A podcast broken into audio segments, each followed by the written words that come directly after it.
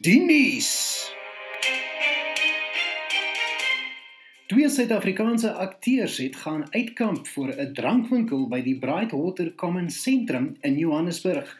Volgens ingeligte bronne is hulle leehande huis toe, want die drankwinkel het nie die aandag verkoop waarna hulle op soek was nie.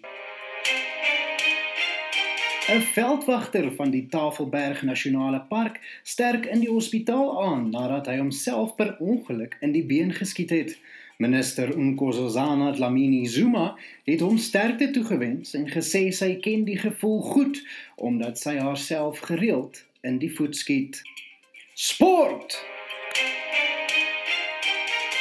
Terwyl daar bespiegel word oor hoe die tennislandskap na die COVID-pandemie gaan lyk, glo die toernooidirekteur van die Franse Ope, Guy Forget, dat een ding minstens dieselfde gaan bly. Tennis sal nog steeds die nommer 1 sport wees om te kyk as jy 'n lekker Sondagmiddag slaapie wil inkry. Weer.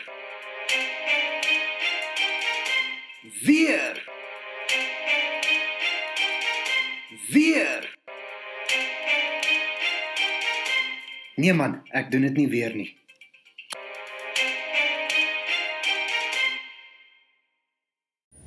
Verkeersboetes behels meer as 'n klein ongerief met minimale gevolge.